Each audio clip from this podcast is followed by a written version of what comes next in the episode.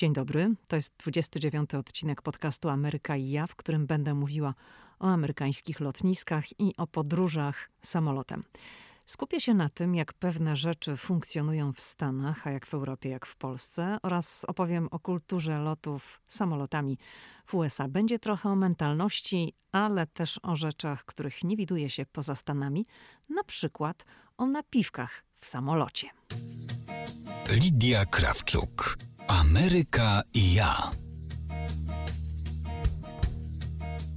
Halo, halo. Dlaczego wybrałam sobie taki temat, samoloty i lotniska? No, ponieważ myślę, że mogę trochę ciekawych rzeczy opowiedzieć, a druga sprawa, no każdy, kto wybiera się do Stanów Zjednoczonych, musi skorzystać z lotniska, choć niekoniecznie musi lecieć amerykańską linią lotniczą. I zanim zacznę, to chciałam jeszcze bardzo podziękować Leszkowi za pięć gwiazdek i recenzję w Apple Podcast. Leszek napisał tak. Bardzo ciekawy podcast, jest cudownym uzupełnieniem do bloga oraz Instagrama autorki. Osobiście skorzystałem z wielu przydatnych informacji przed wyjazdem do Stanów. Tak napisał Leszek, dodając między innymi Jestem jednym z tych słuchaczy, którzy mają wszystko wysłuchane, przeczytane i obejrzane na bieżąco i czekam na kolejne wiadomości ciekawostki. Pozdrawiam serdecznie autorkę i życzę wytrwałości. Naprawdę warto. Ludzie czekają na kolejne odcinki. Bardzo Ci dziękuję, Leszku. Bardzo. No więc jeśli czekają, to jedziemy z kolejnym odcinkiem. A, no i proszę y, nie zapomnieć, żeby subskrybować podcast Ameryka i ja, jak się podoba, prawda? No, dobrze. To już teraz skupimy się na lotniskach i na samolotach, oczywiście w Stanach Zjednoczonych. Pierwsza zasadnicza rzecz. Kontrola bezpieczeństwa na lotnisku w Stanach Zjednoczonych. No, kontrola jest wszędzie, wiadomo, ale w USA przechodzi się przez skaner, a nie tak jak na przykład w Polsce przez bramkę do wykrywania metali. Jeśli nigdy tobie nie zdarzyło się przechodzić przez skaner, bo o ile ja się orientuję, to skanery nie są tak powszechnie stosowane w Europie. No, na polskich lotniskach to ich nie ma. Ja sobie nie przypominam i w Europie też tam, gdzie ja z tych lotnisk, z których korzystałam, to nie widziałam skanerów. Co to jest skaner i jak się przechodzi przez skaner, to tak szybko wyjaśniam, w czym rzecz. Skaner wygląda, on kształtem przypomina taką dużą tubę, do której się wchodzi. Tam na podłodze jest umieszczona, no to wygląda jak wycieraczka. To nie jest wycieraczka, nie wiem co to jest, nie znam się. Nie będę tutaj jakby o tych technicznych aspektach mówiła, bo ja się na tym nie znam. Mówię tak jak ja wchodzę i, i widzę co jest. Czyli leży tam jakby taka wycieraczka, na której są zaznaczone ślady butów. No i jedną stopę ustawia się na jednym śladzie, drugą na drugim. Podnosi się ręce do góry i wtedy człowiek, który dokonuje tego prześwietlenia, uruchamia maszynę, no i jesteśmy skanowani. To trwa szybko.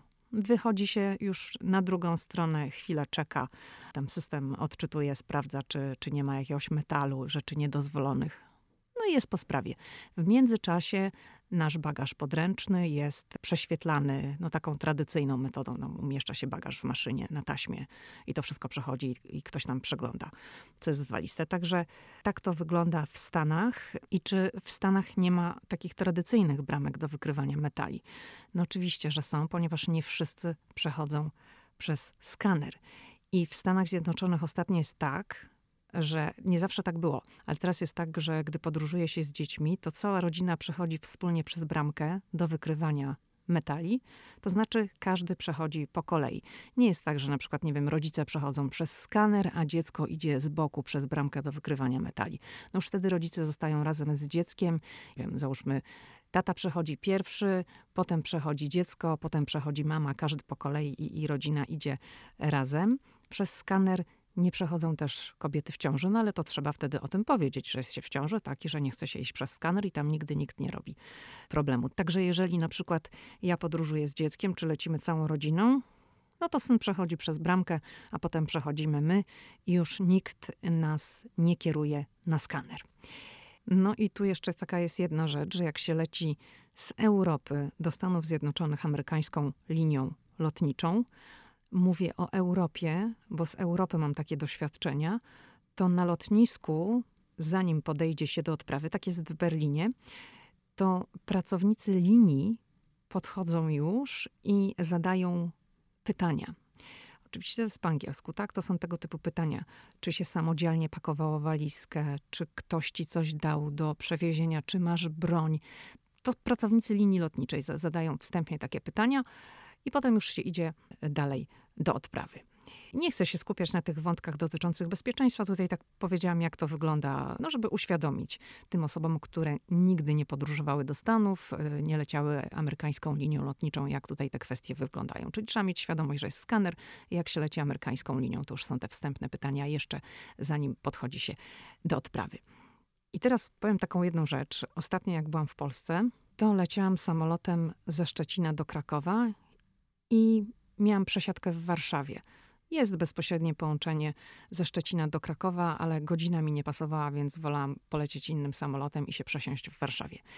Nie leciałam sama, leciałam wspólnie z mężem. Jak mieliśmy tą przesiadkę w Warszawie, to było tam jeszcze trochę czasu i postanowiliśmy coś zjeść na terminalu. No i zamówiliśmy sobie po porcji ruskich pierogów nie było barszczu. Ja bardzo lubię, jak jest barszczyk taki do picia, do pierogów, ale barszczu nie było. No to wzięliśmy po herbacie i jeszcze Paweł wziął małą kolę.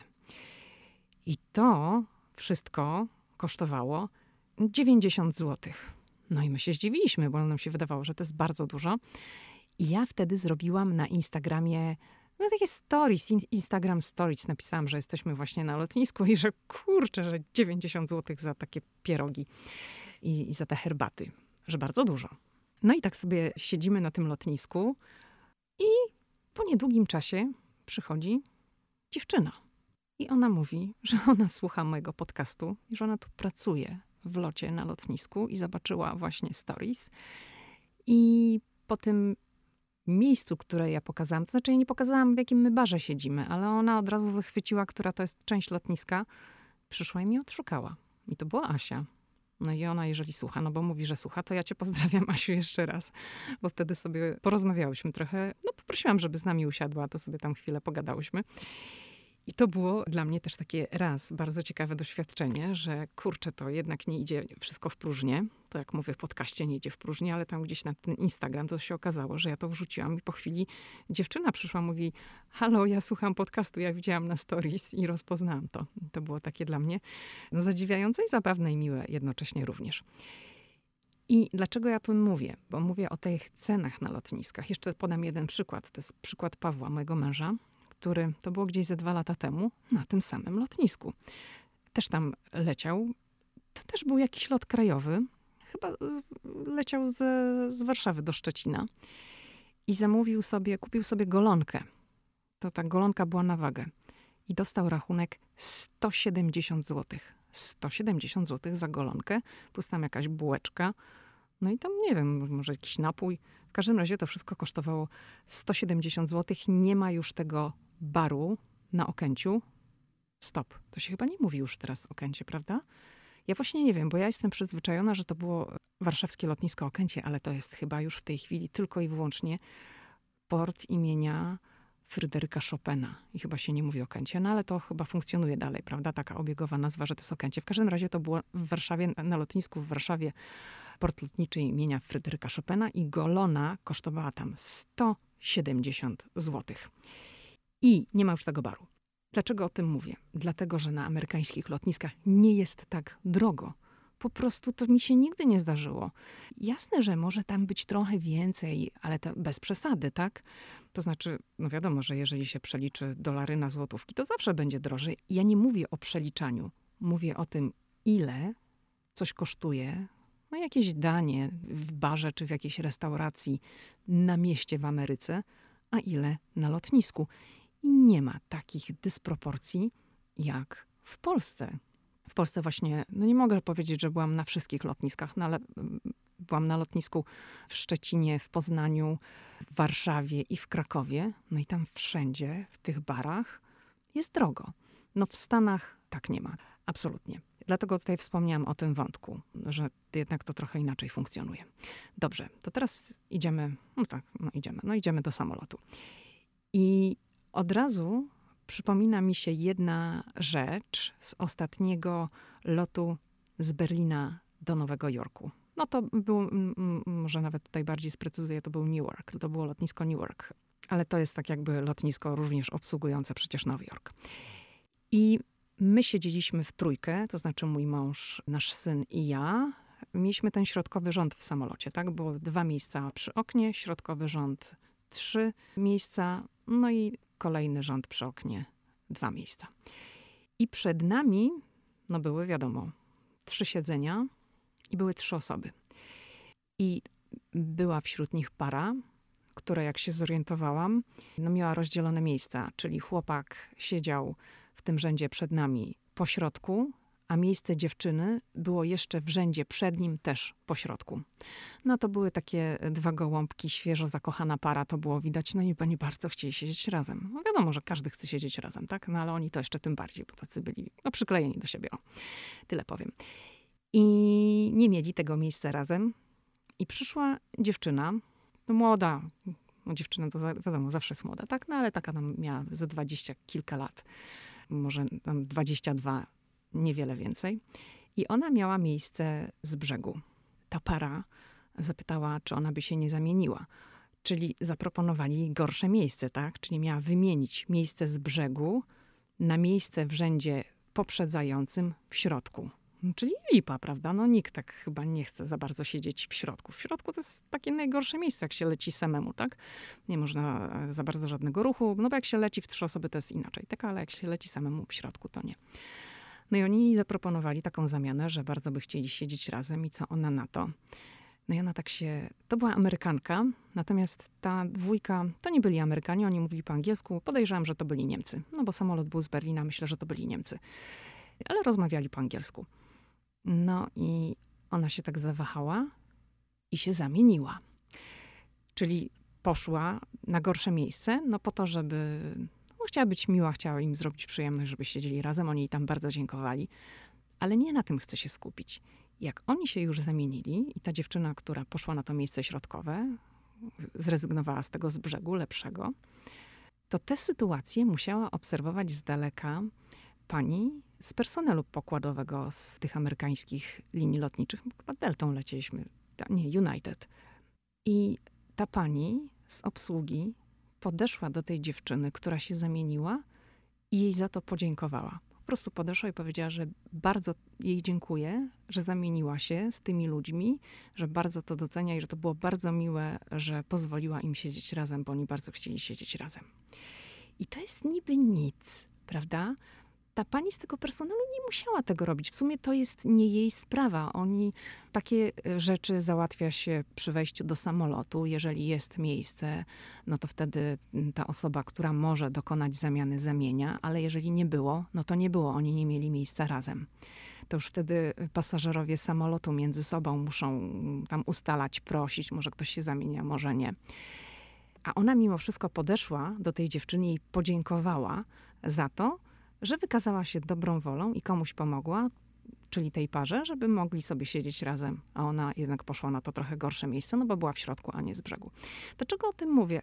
To też właśnie trochę świadczy o tej mentalności Amerykanów, że dobre słowo dużo znaczy, tak? Ona wzmocniła tę dziewczynę pozytywnie, że no nic za to nie dostała, żadnej nagrody, nie przeniesiono jej z tego powodu do pierwszej klasy, no nic nie dostała fizycznie, dostała dobre słowo ale myślę, że na pewno zrobiło jej się miło i mnie się to bardzo, bardzo spodobało. I muszę tak przy okazji jeszcze mówiąc o mentalności powiedzieć, że Amerykanie tak ogólnie, no bo wiadomo, że to zdarzają się różne przypadki, ale ja mówię z perspektywy matki, która latała bardzo dużo z małym dzieckiem. Moje dziecko już nie jest teraz małe, tak, no bo już ma 6,5 roku, to już jest inna bajka, ale mówię to z perspektywy matki, która latała z dzieckiem od trzeciego miesiąca życia, że Amerykanie są bardzo wyrozumiali dla rodziców z dziećmi i potrafią postawić się w sytuacji, gdy rodzic nie może na przykład opanować płaczu dziecka.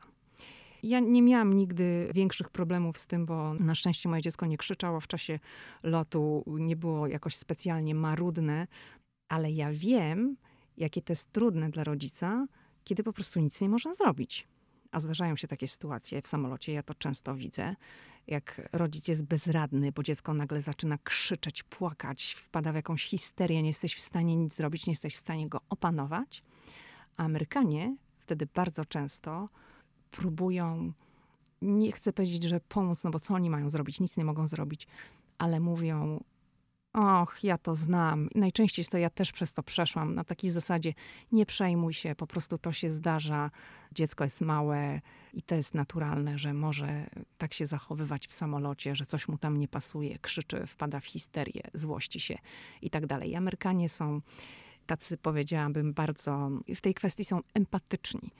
Wiadomo, że czasem ktoś się zdarzy, że widać, że go to irytuje, że nie wiem, dzieciak krzyczy, ale ogólnie są wyrozumiali. Tyle bym powiedziała. I jeszcze jak tutaj jestem przy tym wątku dotyczącym e, przebywania w samym samolocie, to mam takie doświadczenia, że w Stanach to w ogóle nie ma co się wdawać w jakieś dyskusje z personelem. Raz byłam świadkiem takiej sytuacji, że no jedna pani coś jej tam nie pasowało i próbowała dyskutować i obsługa nie od razu zareagowała tam jakoś ostro. Powiedzieli, że proszę usiąść, naprawdę proszę usiąść, zapiąć pasy, zaraz będziemy startować i proszę już e, nie dyskutować. Dostała taką jedną czy dwie szanse, ale ta pani po prostu miała jakieś, złościła się na coś, wstała i zaczęła jakby ten, ten swój żal uzewnętrzniać. I finał był taki, że samolot odkołował z powrotem do rękawa i pani została wyciągnięta z samolotu przez, no myślę, że to policja w tym momencie, chyba policja przyszła. No przyszły jakieś służby, ją wyciągnęły i koniec, nie poleciała. Także tu była krótka piłka. No, dla nas pasażerów oznaczało to tyle, że samolot był opóźniony, lot się opóźnił, no bo jakby wypadliśmy z kolejki i musieliśmy znowu stanąć w kolejce, tak, bo to przecież samoloty stoją w kolejce do startu i to się wszystko przeciągnęło z tego powodu. To miał być lot do Europy, który miał trwać ileś godzin personel doszedł do wniosku, że nie chce mieć na pokładzie takiego pasażera, który może robić nie wiadomo co. No i natychmiast była decyzja o opuszczeniu samolotu. Ona tam potem prosiła, że nie, nie, no ale to już nie było dyskusji. Jak już decyzja zapadła, jak już pojawili się ludzie na pokładzie, którzy mieli ją odprowadzić, to koniec. Także, także coś takiego mi się kiedyś przydarzyło. Byłam też świadkiem, w jaki sposób szefowa personelu rozmawiała z jednym mężczyzną, który sadził się, bo to trzeba powiedzieć, że się ewidentnie sadził, że on nie może nad swoją głową umieścić bagażu podręcznego, no bo to, to wiadomo, to czasem jest tak, że samolot jest pełny, ludzi jest dużo i i nad naszą głową nie możemy umieścić bagażu podręcznego, tylko się umieszcza go gdzieś tam w innej części samolotu. I on się zsadził z tego powodu. I trochę się wyżył na mm, jednej stewardesie. I ta jedna stewardesa chyba no, powiedziała o tym szefowej pokładu. I szefowa pokładu przyszła. I to była krótka piłka. Bardzo spokojna, ale bardzo konkretna, merytoryczna i ten pan po prostu, który zsadził się jak nie wiem kto, no siedział po prostu potulny jak baranek. W ogóle nawet się nie odezwał, nie dyskutował z tą, z tą szefową pokładu, no bo wiedział, że czym to grozi, że jeżeli się odezwie i jeszcze cokolwiek powie, no to zaraz po prostu koniec, nie poleci. Także tutaj jest bardzo krótka piłka, ludzie są uprzejmi, personel jest pomocny, uprzejmy, ale no tutaj nie należy się sadzić, nie należy dyskutować. Należy po prostu się podporządkować zasadom i no jak nie ma miejsca u góry na walizkę, no to nie ma. No co ta pani ma zrobić? Wywalić cudzą walizkę? Po prostu trzeba ją dać gdzie indziej i tyle. Dobrze. Jezu, same historie tutaj będę opowiadać, ale myślę, że historie są ciekawe. Chcę opowiedzieć o takiej historii, która wydarzyła się rok temu i ja ją przeczytałam w amerykańskim internecie. I to było tak, że anonimowy czytelnik serwisu internetowego Reddit napisał tak. Cytuję. Kupiłem bilet, wybrałem miejsce, a obok usiadła otyła osoba, która zajęła jedną trzecią mojego siedzenia. I dalej ten człowiek opisał zdarzenie, które no rozpaliło użytkowników strony tego serwisu do żywego. Ponieważ ten człowiek, ten, który napisał w internecie, opisał w internecie tę całą historię, zaproponował otyłemu pasażerowi, żeby ten pasażer zapłacił mu 150 dolarów. Te 150 dolarów to miała być rekompensata za ponad pięciogodzinną podróż samolotem obok kogoś, kto jest otyły i nie mieści się w fotelu lotniczym.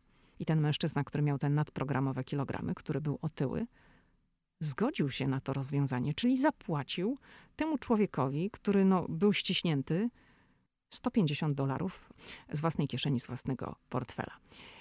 I pod tym wpisem jest, y, bo teraz właśnie sprawdziłam nawet, jak się przygotowywałam do tego podcastu, pod tym wpisem jest półtora tysiąca komentarzy. No wiadomo, jak to komentarze, jedne takie, drugie siakie. I mówiąc szczerze, mnie się zdarzało widzieć w amerykańskich liniach naprawdę bardzo otyłych ludzi i zastanawiać się nawet nad tym, jak oni mają zmieścić się w standardowych fotelach. Nie ukrywam, że przeszło mi nawet przez myśl, co wówczas, jeśli okaże się, że taka osoba usiądzie koło mnie. I ten Amerykanin, który opisał sprawę w internecie, czyli ten, który wziął od otyłego pasażera 150 dolarów, chciał, żeby użytkownicy tego serwisu odpowiedzieli mu na proste pytanie: czy jestem dupkiem, czy nie? Przepraszam za to słowo, ale muszę je tutaj zacytować. Ponieważ e, dupkiem nazwali go współpasażerowie, którzy siedzieli w następnym rzędzie i widzieli, jak on chowa do portfela gotówkę, no, którą wziął od tego mężczyzny, czyli te 150 dolarów. I tu jeszcze trzeba powiedzieć, że zanim doszło do tej transakcji, czyli on wziął te 150 dolarów, ten pasażer, no powiedzmy, że to był szczupły pasażer, tak? Ten szczupły pasażer poprosił o interwencję w tej sprawie obsługę samolotu. I teraz tak, co robi obsługa w Stanach Zjednoczonych w takiej sytuacji? Otóż postępowanie względem otyłych pasażerów w amerykańskich liniach lotniczych różni się w zależności od linii. I tu mówię, różni się w, w szczegółach, w jakichś tam detalach, ale ogólnie rzecz biorąc, zasada jest jasna i prosta. Jeśli nie mieścisz się w fotelu z opuszczonym podłokietnikiem i nie jesteś w stanie zapiąć się przy pomocy dodatkowego pasa bezpieczeństwa, to musisz kupić dwa miejsca lub zostaniesz usunięty z pokładu. I te zasady są opisane na stronach poszczególnych przewoźników, na stronach internetowych. No i tam nikt jednak, muszę zaznaczyć, nie używa określenia, jeśli jesteś otyły, prawda? No, linie piszą bardziej tak dyplomatycznie. Jeśli sądzisz, że możesz nie zmieścić się w fotelu, to. I załoga samolotu, w którym doszło do opisanej wyżej sytuacji, próbowała znaleźć temu mężczyźnie, który no, ważył trochę więcej niż standardowo, inne miejsce, no ale okazało się, że lot był całkowicie wyprzedany i nie było wolnych miejsc. I otyłemu pasażerowi, który nie kupił podwójnego miejsca z wyprzedzeniem, no groziła w tej sytuacji wysiadka z samolotu. I to wtedy siedzący obok mężczyzna zaproponował, że zgodzi się na wspólny lot, no, że będzie ściśnięty, tak, no bo ten pasażer, który był większy, ważył więcej, no zajmował też jego siedzenie, no się zgodzi na to, żeby oni tak e, lecieli w ten sposób, jeśli dostanie od tego człowieka 150 dolarów. I te 150 dolarów to była połowa ceny biletu. I ten otyły człowiek, który wcześniej lamentował, że nie chce lecieć innym lotem, zgodził się na to bez wahania. No bo wolał lecieć niż czekać na kolejny lot i no po prostu chciał już teraz polecieć i, i za, zakończyć tę sprawę. Teraz tak, czy Amerykanie są otyli? Ogólnie są, ale to wszystko zależy gdzie. I powiem o Waszyngtonie, bo to jest ciekawe.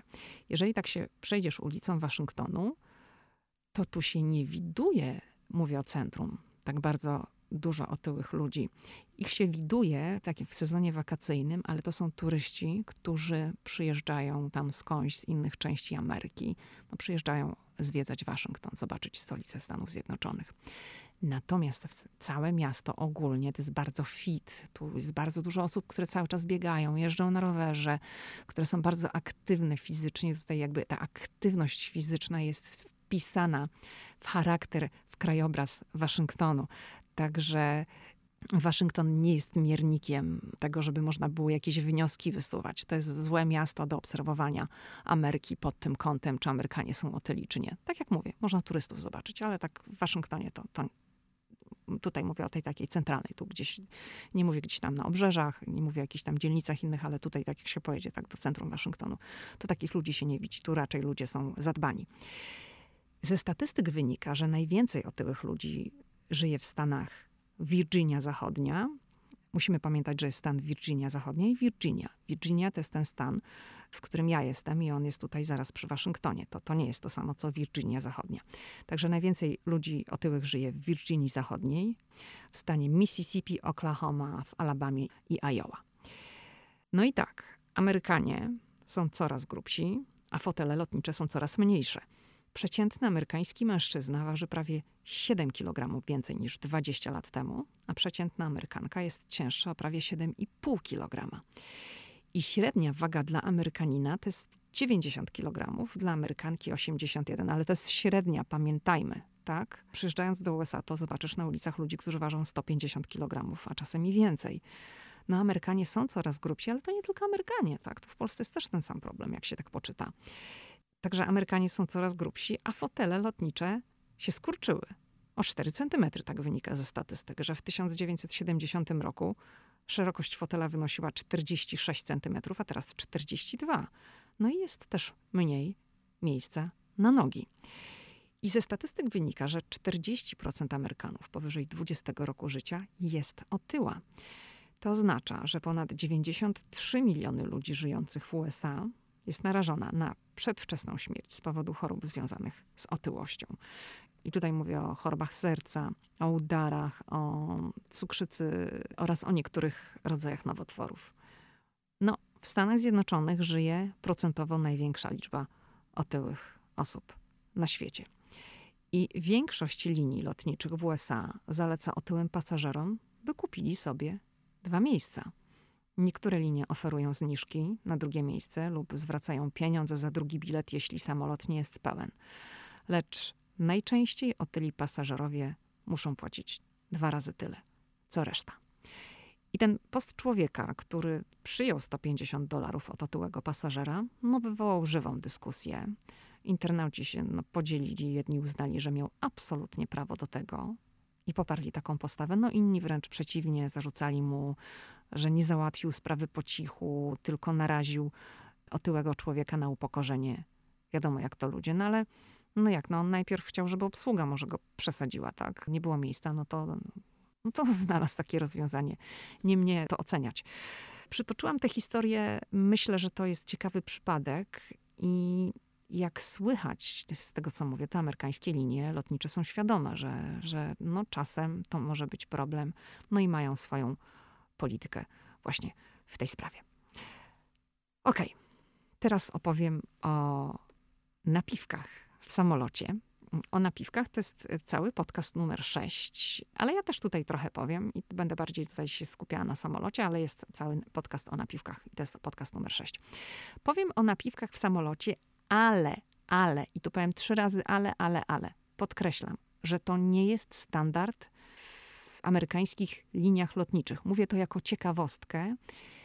Jest to praktykowane w niskokosztowej linii amerykańskiej Frontier. I właśnie tak jak mówię, opowiadam to jako ciekawostkę, takiej, której nie spotka się raczej w Europie. Nie sądzę, żeby ktokolwiek jakiś napiwek brał w samolocie w Europie. No w Polsce to już wiadomo, że tego się też nie spotka. I to jest tak, lecieliśmy z Pawłem tą linią dwa razy. I to jest taka linia, w której, no jak to nisko kosztowa, to płaci się dodatkowo za wszystko, czyli za bagaż rejestrowany, za bagaż podręczny, płaci się za przekąski na pokładzie, za napoje. To jest taka linia, w której siedzenia są twarde. One są, one nie są z materiału, tylko są z takim, to wyglądają trochę jak takie plastikowe. One trochę przypominają taką, jak z tyłu jest tak kanapa w radiowozie, policyjnym radiowozie, ona jest taka z plastiku wykonana, nie wiem, jak ktoś tam coś, pasażer się słabo poczuje i coś tam narozrabia. Na przykład jest nietrzeźwy, tak, i mu tam się uleje, powiedzmy. To jest łatwiej posprzątać. A, i teraz zaraz ktoś mówi, a, to ty tam tym radiowozem jechałaś z tyłu, tak? Nie jechałam. Widziałam. Widziałam, że tak wyglądają te kanapy, tak? Prostuję, nie jechałam radiowozem, nie byłam pasażerem radiowozu. Okej, okay. wracam do linii e, Frontier. To jest linia, która no, od jakiegoś czasu w jawny sposób, mówię tutaj w Stanach, sugeruje, iż za to, że personel pokładowy poda ci napój albo przekąskę, za które musisz jeszcze zapłacić, tak? To ty masz jeszcze dorzucić napiwek. No to jest, to jest właśnie ta linia, która no, doprowadziła raz nas do białej gorączki, nie ukrywam. Mieliśmy zaplanowany na wieczór rejs i Na terminalu, już tam po odprawie, czekamy, czekamy, czekamy i nagle się okazało, że ten rejs zostanie przeniesiony na rano. No jak to rano? No dlaczego? No to tam wszyscy się zaczynają burzyć. No wiadomo, jak to ludzie już mają lecieć, a tu nagle nie, samolot nie poleci, samolot zamiast o 10 wieczorem poleci o 8 rano. No to dlaczego? No i tłumaczenie jest takie, że pilot się rozchorował. No to jest od razu pytanie, czy nie macie innego pilota, prawda? No jak to, no, jeden pilot w linii lotniczej. No i tam padła odpowiedź, że nie możemy znaleźć żadnego zastępstwa i koniec. No i no to pytanie jest, a kto wyrówna te straty, tak? No bo wiadomo, no gdzieś tam lecisz, to masz wiem, hotel zarezerwowany, samochód wypożyczony, no, yy, może masz spotkanie rano zaplanowane, no to wszystko się sypie, tak? No to kto wyrówna straty? A to proszę dzwonić do działu obsługi. Koniec. No na szczęście nam tam się udało w zamian dostać vouchery, które mogliśmy wykorzystać na dowolne loty w ciągu tam 9 miesięcy czy iluś tam. I dzięki temu polecieliśmy sobie na Florydę za te vouchery, więc powiedzmy, że no straciliśmy na tym, że nam zmieniono godzinę lotu. Ona się przesunęła w znaczący sposób dla nas. No ale dostaliśmy te vouchery, więc w jakiś sposób nam to zrekompensowano, ale to nie było też takie oczywiste. Tam trochę musieliśmy zawalczyć, no ale się udało. W każdym razie, jak już lecieliśmy tą linią, w której trzeba za wszystko zapłacić na pokładzie, to mój mąż po zakupie nam kupiliśmy cheese plate. Cheese plate to jest taka plastikowa tacka, na której leży tam kilka marnych kawałków sera, tam pięć winogron na krzyż, jakieś dwa krakersy, deska serów. No, deska serów. I to jakieś 8 dolców kosztuje. No i Paweł kupił te deski sera, ale mówi do mnie, że nic nie dopisałem. I miał na myśli napiwek. Mówi, no nie, no to już bez przesady. Wszyscy wiemy, tak, że tanie latanie wcale tak naprawdę nie jest tanie, tak? Trzeba mieć no naprawdę duże szczęście, żeby złapać się na coś taniego. A jak się doliczy do taniego biletu te wszystkie opłaty związane z bagażami, z podatkami, no bo w Stanach jeszcze podatek się do wszystkiego przecież dolicza, to okazuje się, że taki tani lot to nie jest jakiś wielki deal. I dopisywanie napiwków w USA to wygląda w ten sposób, że no po dokonaniu transakcji kartą, no bo tutaj głównie jednak operuje się kartą, czy to jest w restauracji, czy u fryzjera, czy w gabinecie kosmetycznym, to dostaje się ten tradycyjny wydruk i na nim widnieje kwota do zapłaty. I pod tą kwotą do zapłaty znajduje się taka pozycja tip, czyli napiwek. I to nie jest powszechne w Polsce. Ja się przynajmniej z tym nie spotkałam. I opłacający rachunek w Stanach, no może dopisać wtedy wysokość napiwku. No w Ameryce przyjmuje się, że to jest tak 15% no co najmniej. I to się praktykuje od lat w gastronomii, w niektórych usługach i jakiś czas temu podobne zasady zaczęto stosować w linii Frontier. I to po zamówieniu przekąski czy puszki napoju pojawia się pani lub pan z tabletem do opłacenia transakcji. No i oczywiście na wyświetlaczu widnieje pozycja tip, czyli napiwek. No, Amerykanie są takim narodem, który rozdaje napiwki na lewo i prawo, no ale napiwki w samolocie to jest jednak coś innego, prawda? I ja wtedy, jak nam się to przydarzyło, pierwszy raz się z tym spotkałam, że jakiś tip się pojawił w samolocie, no to zaczęłam trochę się interesować tym tematem i szukać informacji na ten temat. I co się okazało? Okazało się, że ten pomysł z napiwkami w samolotach linii Frontier zaczął się tam pojawiać gdzieś w 2016 roku i personel linii Frontier sprzeciwiał się wtedy tym planom. I słusznie, ludzie po prostu chcieli wyższych zarobków, a nie napiwków od pasażerów. No nie ma się co dziwić, to jest przecież logiczne, tak? No ale linia wprowadziła swoje zasady i tyle. I jest tutaj takie stowarzyszenie skupiające personel pokładowy w Ameryce. To się nazywa The Association of Flight Attendants. I to stowarzyszenie szacuje, że w ciągu trzech lat personel linii Frontier zarobił w sumie na napiwkach kilka milionów dolarów. Sama linia nie ujawniła nigdy tej kwoty, no ale też nie podważała tych, tych podawanych szacunków. Według amerykańskich mediów Frontier nie jest jedynym przewoźnikiem, który, który stosuje tego typu praktyki, ale ja się nigdy nie spotkałam z tym w innej linii lotniczej poza linią Frontier. Osobiście uważam, że napiwki w samolocie to jest kuriozum. Właściciele linii no, chcą, jak restauratorzy w Stanach, zrzucić na klientów częściowe utrzymanie personelu pokładowego, no długofalowo to może doprowadzić do obniżenia pensji, prawda? No nie no, dla mnie to jest w ogóle jakiś bardzo kiepski pomysł. No ale Ameryka napiwkami stoi i Amerykanie mają jakoś tak zakodowane, że no muszą zostawiać napiwki w restauracjach, ponieważ ta retoryka, że ci ludzie zarabiają, mówię o ludziach, którzy pracują w restauracjach, zarabiają niewiele i trzeba ich wspomagać, to po prostu ona jest powtarzana od zawsze. No i ludzie o tym wiedzą.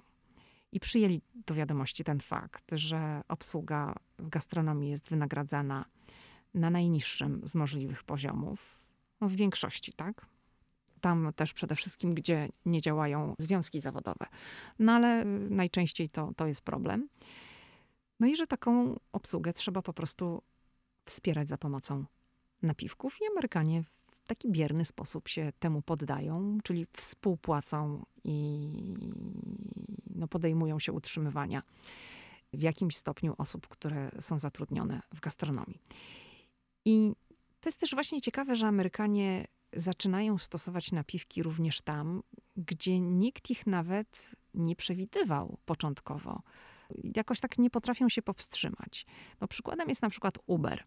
Tak? Uber z założenia miał być, miał funkcjonować inaczej, tak? Od jakiegoś czasu również Uber w USA próbuje w jakiś sposób na pasażerach te napiwki, no nie chcę powiedzieć, że wymuszać, no ale się sugeruje pasażerom napiwki. No, po, na przykład po zakończeniu kursu dostaje się taką tradycyjną informację o sumie, jaką zostanie obciążona karta za wykonany przejazd. No ale jeszcze za chwilę przychodzi mailem pytanie, czy chcesz dopisać napiwek dla kierowcy, tak? Albo na przykład twój kierowca lubi kawę ze Starbucks, pomóż mu zbierać pieniądze na kartę podarunkową. Także no to takie jest dosyć ciekawe. Mówię o tym dlatego, że jeżeli no, zdarzy ci się na przykład, że będziesz podróżować po Stanach i kupisz sobie jakiś bilet lotniczy, żeby się przedostać, gdzieś się okazja i na przykład linia Frontier, będziesz mieć jakiś deal dobry, uznasz, że to jest dobra okazja, to jeśli będziesz kiedyś lecieć w USA linią Frontier, no to musisz pamiętać, że niczego nie dostaniesz na pokładzie, więc sobie możesz kupić, nie wiem, napój na terminalu albo jakąś sałatkę. To musisz pamiętać, że na pokładzie samolotu za wszystko zapłacisz. No i też nie należy zapominać, że płacąc kartą, wydaje mi się, że oni nie przyjmują gotówki, o ile pamiętam, nie przyjmują gotówki, to na wręczonym ci do podpisu wyświetlaczu no bo to, to transakcja za pomocą iPada się, jakiegoś tablet, iPada chyba, tabletu się odbywa, to pojawi się pozycja tip, czyli napiwek. I jeśli się zastanawiasz, kto tę nadwyżkę bierze, no to chcę ci powiedzieć, że ona w całości idzie na konto osoby, która obsługuje pasażera. I to wcale nie jest takie oczywiste, bo do końca 2018 roku we Frontierze było tak, że po każdym locie personel pokładowy dzielił porówno między siebie wpływy z napiwków. No ale od 1 y, stycznia ubiegłego roku, czyli 2019, ta zasada już nie obowiązuje i, i każdy bierze to, co dostanie od pasażerów, czyli każdy jest kowalem swojego losu, a raczej kowalem swojego napiwku. Okej. Okay. Jeżeli Ci się podobało, to oczywiście daj mi znać. Jeśli nadal nie subskrybujesz podcastu Ameryka i ja, to czas to zmienić, prawda? No, to następny odcinek jak zwykle we wtorek. Do usłyszenia.